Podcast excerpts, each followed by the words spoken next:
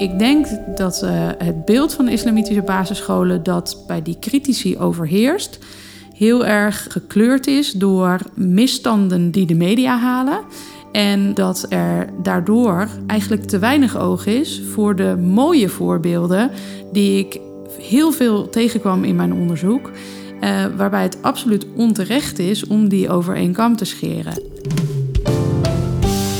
Dus Marietje Beemsterboer, kerstvers gepromoveerd op onderzoek op islamitische basisscholen. Ze concludeerde dat de berichtgeving over deze scholen veel te negatief is. Die rept van segregatie en radicalisering. Maar islamitische basisscholen kunnen juist heel goed bijdragen aan de integratie van leerlingen in de Nederlandse maatschappij. Welkom bij de podcast van Wetenschap.nu. Mijn naam is Karin van den Boogaard. Marietje Beemsterboer is Hollands welvaren. Blond haar en blauwe ogen. Ze is juf op een basisschool en deed de afgelopen vijf jaar promotieonderzoek op islamitische basisscholen. Welkom Marietje in de podcast van Wetenschappen Nu. En allereerst gefeliciteerd met je promotie. Dank je. Want uh, het is niet niks, hè? Je bent en nog zwanger. Ja. En je geeft les. En je hebt al een klein zoontje. Het is een hele lange weg geweest, denk ik. Nou ja, ik, ik ben er vijf jaar mee bezig geweest en uh, ik heb daar uh, eigenlijk vooral heel erg veel van genoten. Waar heb je van genoten? De combinatie van lesgeven en onderzoek doen. Um, die um, maakte zowel het doen van het onderzoek als het voor de klas staan uh, ontzettend leuk. En van waar dit toch op het eerste gezicht misschien best controversiële onderwerp voor je promotieonderzoek? Nadat ik de PABO heb afgerond, ben ik geschiedenis en wereldgodsdiensten gaan studeren. En bij wereldgodsdiensten specialiseerde ik me in islam. En tegelijkertijd stond ik zelf voor de klas in het uh, niet-islamitische basisonderwijs. Maar uh, nou mijn praktijkervaring uh, voor de klas en mijn kennis op het gebied van islam bij elkaar kwam ik bij islamitisch basisonderwijs uit. Deze vraag is jou vast al veel vaker gesteld. welke reacties heb je nog meer gehad als je het had over je onderwerp voor je onderzoek? Nou, toen ik vertelde dat ik uh, islamitische basisscholen ging onderzoeken, waren er vooral heel veel mensen die zeiden van, nou, dan willen ze je daar vast geen hand geven en uh, moet je dan uh, zelf een hoofddoek om en ben je daar eigenlijk überhaupt wel welkom? En ik heb in de praktijk me overal juist ontzettend uh, warm welkom gevoeld. Heeft het je verrast wat het losmaakte bij mensen? Zeker. Een van de meest uh, verrassende voorbeelden daarin vond ik een school in een dorp nabij mijn woonomgeving die nieuw gesticht werd. En de heftige emoties die dat losmaakte uh, in de omgeving.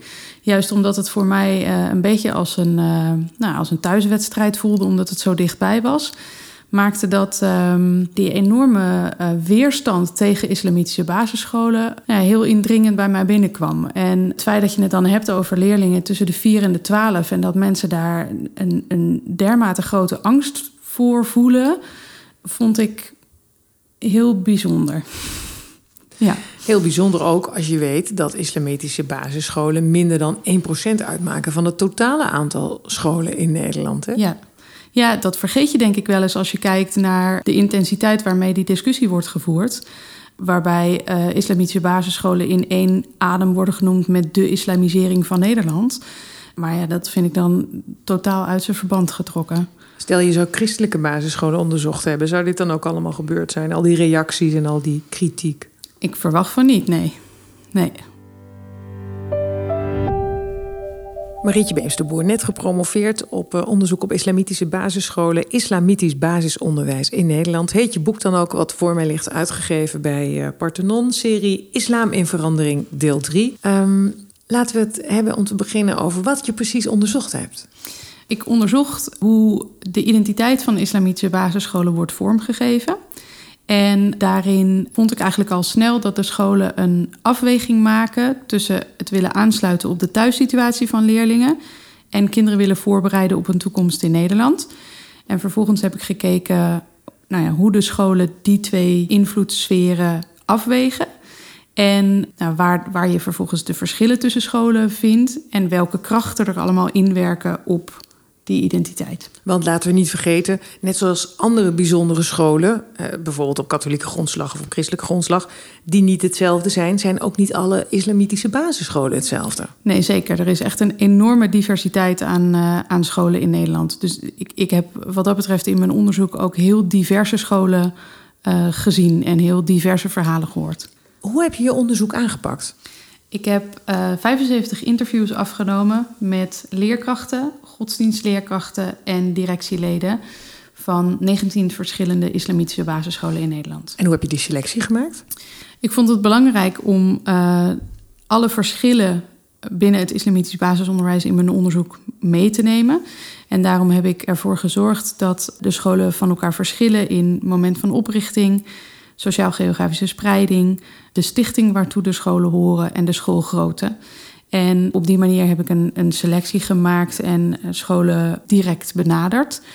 En binnen de scholen heb ik vervolgens mannen en vrouwen, veel en weinig ervaring, moslim, niet-moslim. Dus op allerlei manieren geprobeerd om uh, ja, een, een, steekproef te trekken die zoveel mogelijk de variëteit dekt. En hoe heb je dat onderzoek gedaan? Ben je er gewoon naartoe gegaan? Heb je rondgekeken? Ook met jouw juf-ogen, hè? want je geeft zelf les. Hoe, hoe ging het?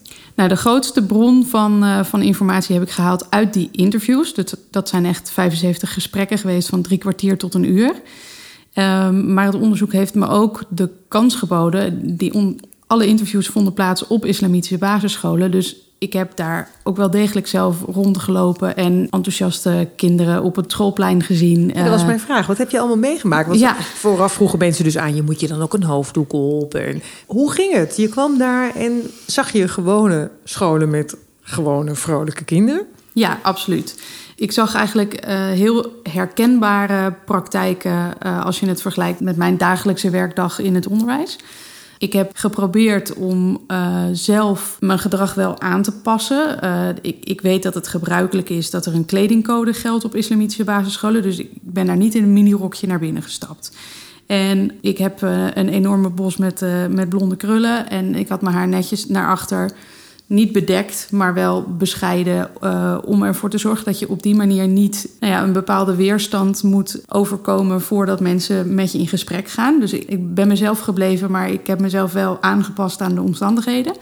En uh, ja, wat, ik, wat ik verder trof was nogmaals gewoon een gewone basisschool met, met, met blije kinderen die, die me op het schoolplein knikkers kwamen laten zien. En uh, vroegen: uh, Mevrouw, wilt u eigenlijk moslim worden? Ik zeg: Nee, ik denk het niet. Oké. En dan weer uh, rennend verder gingen. Dus op geen enkele manier zijn de vooroordelen die ik, die ik aantrof bevestigd. En wat was voor de scholen de reden om mee te doen aan jouw onderzoek? Ik denk dat ik scholen heb kunnen overtuigen van het feit dat meewerken aan het onderzoek in ieder geval niet schadelijk voor hen zou zijn. Dat was aanvankelijk wel de, de angst op het moment dat ik hen opbelde. Ze zijn natuurlijk in het verleden over het algemeen eerder negatief dan positief in het nieuws geweest.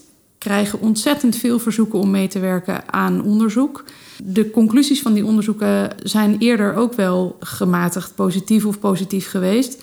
Maar vaak komt het dan niet op die manier ook in de media. De scholen hebben niet uh, heel veel reden om happig te zijn. Um, en vervolgens ben ik denk ik ook wel vrij vasthoudend geweest uh, bij sommige scholen om daar daadwerkelijk binnen te komen. Het heeft, het heeft best uh, veel moeite gekost. Juist omdat ik streefde naar die spreiding en, en al die verschillende kenmerken in mijn onderzoek wilde betrekken, nou ja, maakte dat ook dat ik, dat ik soms heel doelgericht een bepaalde school in mijn onderzoek op wilde nemen. En daar dan ook echt veel tijd in heb geïnvesteerd. De ene islamitische school is de andere niet. Uh, welke soorten uh, onderscheid je in je onderzoek? Het zijn er drie, hè? Ja, dat klopt. Ik onderscheid drie typen scholen. De eerste zijn scholen waarbij daar waar scholen keuzeruimte ervaren, de keuzeruimte over het algemeen islamitisch inkleuren. En dat is een absolute minderheid onder de islamitische basisscholen in Nederland. Maar wel een minderheid die in de media uh, veel aandacht heeft gekregen. Geef eens een voorbeeld van dat inkleuren. Om ja. wat soort onderwerpen gaat het dan? Het gaat over, uh, nou, je, je, je kunt je een school voorstellen waarbij het merendeel van de leerlingen een hoofddoek draagt, de, de meisjes. Misschien uh, zelfs vanaf de middenbouw, dus zeg maar groep 5, 6, alle meisjes een hoofddoek dragen, omdat het simpelweg is verplicht. Um, je kunt je voorstellen, maar het is niet per definitie op alle scholen, maar uh, dat jongens en meisjes in gescheiden rijen zitten. En tijdens de gymles zullen jongens en meisjes gescheiden worden van elkaar. En ook waar het om andere spanningsgebieden gaat, kiest zo'n school voor de islamitische kleur. Je zult er niet snel afbeeldingen van levende wezens aantreffen. Je zult er niet snel muziek horen van de radio of dat soort zaken. Op allerlei manieren wordt er gekozen voor de islamitische identiteit van de school. Is dat wat je kan noemen de strengste soort school? Ja, waarbij ik het woord streng zelf niet zou kiezen. Aan de andere kant van het spectrum ligt dan, denk ik, een wat vrijere school. Hoe ziet die eruit? Op die scholen wordt ervoor gekozen om uh, de keuzeruimte juist uh, in te vullen in de richting van de Nederlandse maatschappij. Er zijn een aantal scholen binnen deze stroming die zich Nederlandse basisschool op islamitische grondslag noemen. En daar zit volgens mij dan de essentie in. Zij ervaren het feit dat ze Nederlandse school zijn um, als uitgangspunt, als bestaansrecht. En um, de islamitische grondslag komt voor hen uh, op de tweede plek. Is wel degelijk heel belangrijk. Maar daar waar ze keuzeruimte ervaren, kleuren ze eerder naar de Nederlandse context toe dan de school die we eerder uh, net behandelden. En om dan dezelfde voorbeelden te geven, je ziet minder kinderen met een hoofddoek. Ook onder de leerkrachten worden zowel de moslima's als de niet-moslima's vrijgelaten in uh, het dragen van de hoofddoek.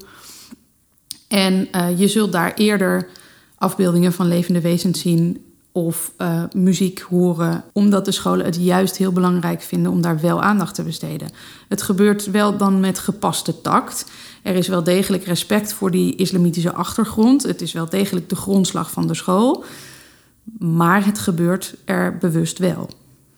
En dit zijn de twee uitersten van het spectrum. En alle andere scholen zitten hier tussenin? Ja, en de um, gesloten kant, dat is een absolute minderheid. De meer open kant is misschien 15 of 20 procent van het aantal islamitische scholen in Nederland. Dus de meerderheid ligt daar tussenin.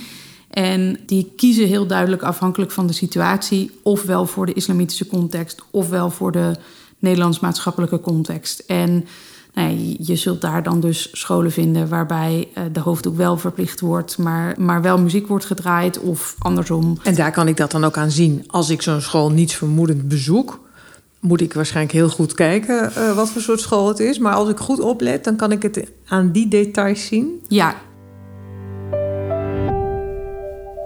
Wat is de reden voor ouders om te kiezen voor een islamitische school voor hun kinderen? Nou, allereerst uh, zijn er een heleboel islamitische ouders die misschien wel willen kiezen voor islamitisch basisonderwijs, maar die die keus simpelweg niet hebben, omdat er in Nederland maar 52 scholen zijn. Er zijn heel veel ouders die die behoefte wel hebben, maar die simpelweg de keus niet hebben, omdat het gewoon niet haalbaar is binnen de directe woonomgeving. Dus de ouders die wel een keuze hebben, die kiezen voor islamitisch basisonderwijs omdat ze het belangrijk vinden dat de school aansluit bij hun thuissituatie. En in sommige gevallen uh, hoorde ik heel verdrietige verhalen van kinderen die eerder op een openbare of niet-islamitische uh, basisschool zaten waarbij ze echt niet lekker in hun vel zaten, omdat ze zich continu heel erg anders voelden. Er zijn ook ouders die heel bewust niet voor een islamitische basisschool kiezen, omdat ze zeggen: wij zijn uh, in Nederland en dat stukje islamitische grondslag kunnen wij ons kind wel meegeven in onze opvoeding. Die twee kanten zijn, zijn heel duidelijk beide aanwezig. En dat is natuurlijk ook zo, want als je kiest voor een islamitische basisschool, kan je daarna niet door naar een middelbare bijna islamitische niet. basisschool. Bijna niet. Die bestaan bijna niet. Dus zou het dan niet handiger zijn om je kind dan maar meteen op een uh, uh, bijzondere school te doen, bijvoorbeeld op christelijke grondslag of katholieke grondslag of openbaar? Uh, nou, nou ja, nogmaals, er zijn heel veel ouders die met deze overweging in hun achterhoofd uh, kiezen voor een openbare of een uh, bijzondere basisschool, dus dan een katholieke of een protestante basisschool. De kracht van islamitische basisscholen die ik in mijn onderzoek vond, schuilt juist in het feit dat de scholen met gepaste tact, aangepast op die hoofdzakelijk islamitische doelgroep, ook gevoelige onderwerpen aansnijden, um, waarbij ze in mijn ogen juist ook kunnen bijdragen aan de integratie. Dus daar waar er weerstand is tegen islamitische basisscholen, zowel onder moslims als onder niet-moslims, denk ik dat het belangrijk is dat die kracht ook wordt erkend. En ik zeg daarmee niet automatisch dat ieder islamitisch kind het best af is op een islamitische basisschool.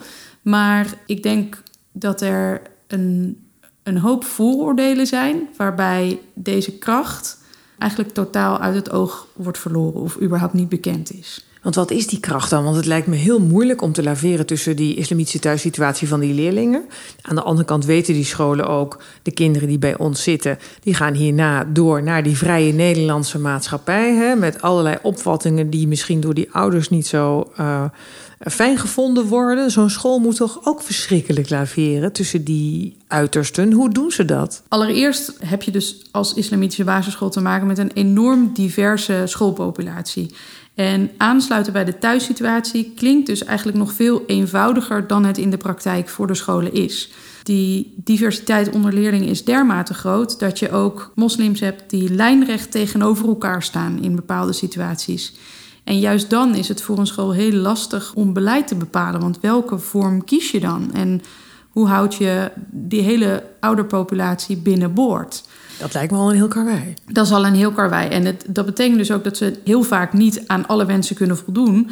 Maar dan vervolgens in communicatie naar ouders toe de sleutel vinden. Dus aangeven van we hebben voor deze lijn gekozen om die en die en die reden. En door dat goed met ouders te communiceren, lukt het hen om iedereen betrokken te houden bij de school. Er zijn natuurlijk hier en daar wel eens ouders die afhaken. Maar uh, het lukt hen in ieder geval om een heel diverse populatie aan de school verbonden te houden. En de ouders voelen zichzelf gezien en gehoord en uh, geven hun kind met vertrouwen uh, daar, of ze schrijven hun kind met vertrouwen daarin.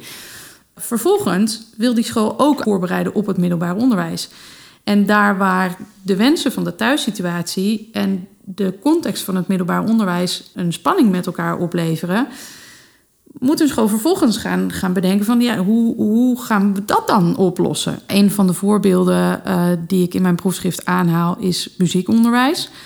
Waarbij je islamitische ouders hebt die geen prijs stellen op melodieinstrumenten. Dus ieder instrument wat een melodie kan voortbrengen. Snaarinstrumenten, uh, blaasinstrumenten, die hoek. Mag dat ook al niet in de islam? Uh, er zijn stromingen binnen islam die daar, uh, die, die daar moeite mee hebben. En er zijn ook stromingen die, uh, daar, die daar geen weerstand tegen ervaren. Maar het is voor een school dus een uitdaging om beide ouders binnenboord te houden.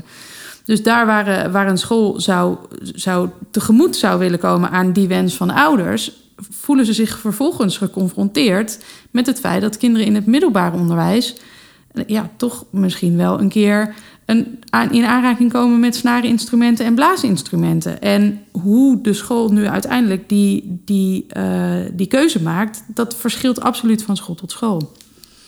Om maar te zwijgen van controversiële onderwerpen als homoseksualiteit, seksuele voorlichting. Dat moet natuurlijk ook allemaal behandeld worden. Want je hebt tegenwoordig, iedereen denkt dat dat allemaal geheel vrij is. Maar dat is natuurlijk helemaal niet waar. Je hebt nee. leerplannen, je hebt leerdoelen. Dat is allemaal vastgelegd ja. wat er behandeld moet worden. En daarin heb je natuurlijk een bepaalde marge aan keuzevrijheid. Ja. Maar je moet dan wel kijken hoe je dat gaat doen. Want zoals je zelf terecht zegt, op de middelbare school komen de kinderen ook mee in aanraking. Is het dan meer zoiets van, joh, als ze dan er toch mee te maken krijgen, dan bepalen wij wel op welke manier. Zit hem daar de winst? Ja. Uh, om, om aan te sluiten bij uh, het, het voorbeeld wat je net noemt, uh, de homoseksualiteit. Alle scholen zijn in Nederland sinds 2012 verplicht om aandacht te besteden aan seksuele diversiteit. Dat betekent dat ook islamitische basisscholen daar aandacht aan moeten besteden. En dit is dan een voorbeeld waarbij ik ook uh, de kracht van het islamitisch basisonderwijs zie. Op het moment dat een, uh, een leerling op een openbare of anders, maar niet islamitische basisschool zit en uh, de leerkracht vertelt over homoseksualiteit, dan is de kans vrij groot dat zo'n leerling zich niet aangesproken voelt.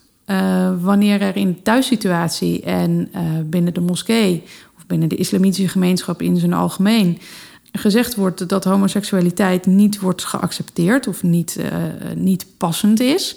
En de juf staat daar te vertellen dat dat in Nederland geaccepteerd moet worden. Dan is de kans groot dat die leerling zich niet aangesproken voelt. En uh, het gevoel heeft van, nou ja, dit, uh, dit laten we even voor wat het is. Als we verder gaan, luister ik ook wel weer verder. Op het moment dat diezelfde boodschap door de godsdienstleerkracht wordt gegeven op een islamitische basisschool. En daarbij is het belangrijk om, om te weten dat de godsdienstleerkracht een autoriteit is in ogen van kinderen en ouders. Dan is de kans dat de boodschap aanslaat natuurlijk een stuk groter. En nou ja, er, is mij op, op, door verschillende mensen verteld. Zo'n godsdienstleerkracht zegt dan uh, dat uh, homoseksualiteit in de Nederlandse context geaccepteerd dient te worden. En uh, dat het niet aan het kind is of aan de leerkracht is om te oordelen over iemands privéleven. En um, ik denk dat in dat soort gesprekken, in, in het op die manier bespreken van gevoelige onderwerpen, um, ja, een kracht schuilt die maakt dat uh, de islamitische basisschool een kind veel beter kan voorbereiden op de Nederlandse samenleving dan veelal wordt gedacht. Dus vandaar ook jouw uh, uitkomst, hè, uh, dat een islamitische basisschool een hele goede rol kan spelen bij de integratie van leerlingen in de Nederlandse samenleving. Ja, absoluut. Marietje Beemsterboer gepromoveerd op onderzoek op islamitische basisscholen. Zou het voorstelbaar zijn dat islamitisch basisonderwijs helemaal niet meer nodig is? Omdat de integratie zo goed gaat. Je zei net, ik heb ook hele verdrietige leerlingen gezien... Hè, die helemaal niet tot hun recht kwamen op gewone scholen, noem ik dat dan maar mhm. eventjes. Maar zou het kunnen dat het zo goed gaat dat, uh, dat ze er niet meer hoeven te zijn? Ja, ik, dat is een hele lastige vraag, denk ik. Maar ik heb er zelf wel uh, ook tijdens het doen van mijn, uh, van mijn onderzoek over nagedacht. Juist omdat ik een beweging heb waargenomen waarin islamitische basisscholen die Nederlandse context steeds meer meenemen. En in zekere zin dus ook in de dagelijkse praktijk steeds meer gaan lijken op uh, de andere basisscholen in Nederland. Gelijktijdig denk ik dat dat stukje geborgenheid wat de scholen uh, bieden en een stukje eigenheid voor een, een bepaalde groep ouders toch altijd van toegevoegde waarde zal blijven meer voor de ouders dan voor het kind misschien nog?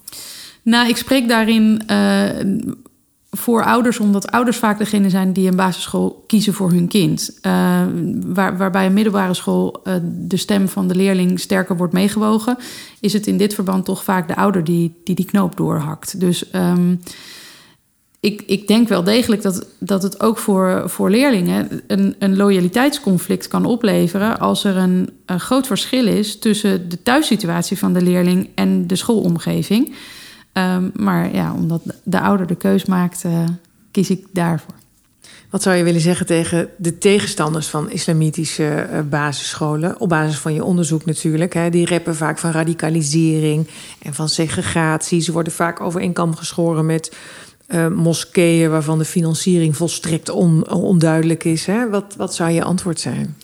Um, nou, allereerst worden alle basisscholen in Nederland en dus ook islamitische basisscholen op een gelijke manier uh, door de onderwijsinspectie beoordeeld. En alle scholen worden op een gelijke manier behandeld. Dus op het moment dat het onderwijs kwalitatief niet op orde is, of op het moment dat de onderwijsinspectie uh, aanwijzingen heeft dat er op het gebied van burgerschap te weinig gebeurt, zijn er allerlei maatregelen die genomen kunnen worden om dat tijd te keren of in een uiterste situatie subsidie in te houden of scholen te sluiten.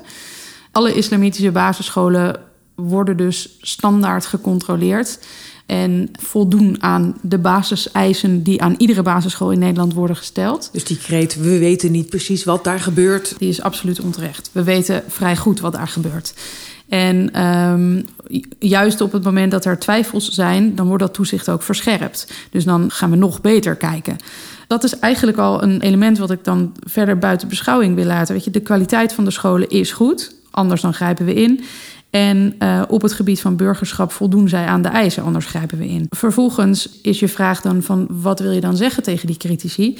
Ik denk dat uh, het beeld van islamitische basisscholen dat bij die critici overheerst, heel erg gekleurd is door misstanden die de media halen. En dat er daardoor eigenlijk te weinig oog is voor de mooie voorbeelden die ik heel veel tegenkwam in mijn onderzoek. Uh, waarbij het absoluut onterecht is om die over één kam te scheren. En uh, het feit dat de islamitische scholen vanuit dat gevoel van geborgenheid kunnen bijdragen aan de integratie van moslims in de samenleving, moet je mijns inziens meenemen in je beeldvorming over het islamitisch onderwijs. En zeker als je nadenkt over van uh, nou ja, is het wenselijk dat we de scholen hebben? Dan vind ik dat die kracht van de islamitische basisscholen, dat je die mee moet nemen in die overweging. Moeten we ze hebben? Dan is jouw antwoord volmondig ja. Ja. Dankjewel, Marietje Beemsterboer. Islamitisch basisonderwijs in Nederland is uitgegeven bij uitgeverij Parthenon in de serie Islam in Verandering, deel 3. Nogmaals, dankjewel, Marietje Beemsterboer. Graag gedaan. Wil je meer gesprekken met wetenschappers luisteren? Abonneer je dan op onze podcast. We zijn te vinden in onder meer iTunes, Stitcher en Soundcloud. En daarnaast zijn we heel benieuwd wat je van deze podcast vindt. Laat dat dan vooral ook weten, zou ik zeggen, via iTunes. Dan help je ons meteen om hoog in de iTunes ranking te komen. En dat willen we heel graag. Wil je reageren? Dat kan via onze kanalen op Facebook en Twitter. Dank voor het luisteren.